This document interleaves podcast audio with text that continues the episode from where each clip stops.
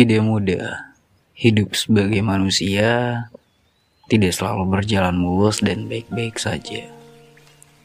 Selalu ada air mata untuk setiap duka yang manusia hadapi di atas hidupnya. Beberapa orang berduka, dan beberapa orang lagi berbahagia. Dua hal yang tidak pernah berhenti terjadi. Tidak peduli siapa, entah itu muda atau sudah menjadi tua kedua hal yang selalu menjadi pro dan kontra.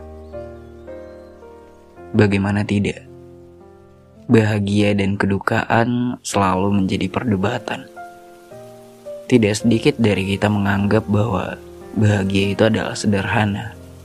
Tapi sebagian orang yang lainnya melihat pada kenyataan.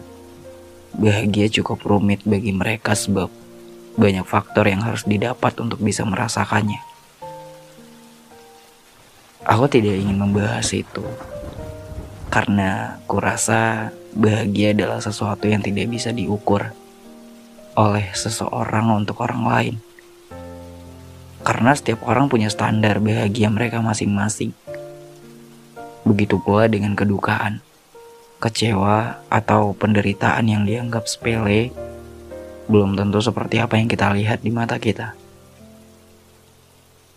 Kadang ketika kita menganggap bahwa rasa sakit penderitaan seseorang tidak ada apa-apanya, bagaimana jika menurut dia yang merasakan itu adalah sesuatu yang besar dan menyakitkan?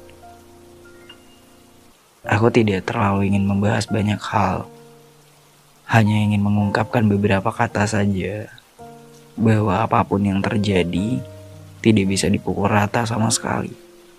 Setiap tubuh dan jiwa tiap-tiap orang jelas merasakan sesuatu yang tidak sama. Sesuatu yang beragam jangan pernah dibuat seragam.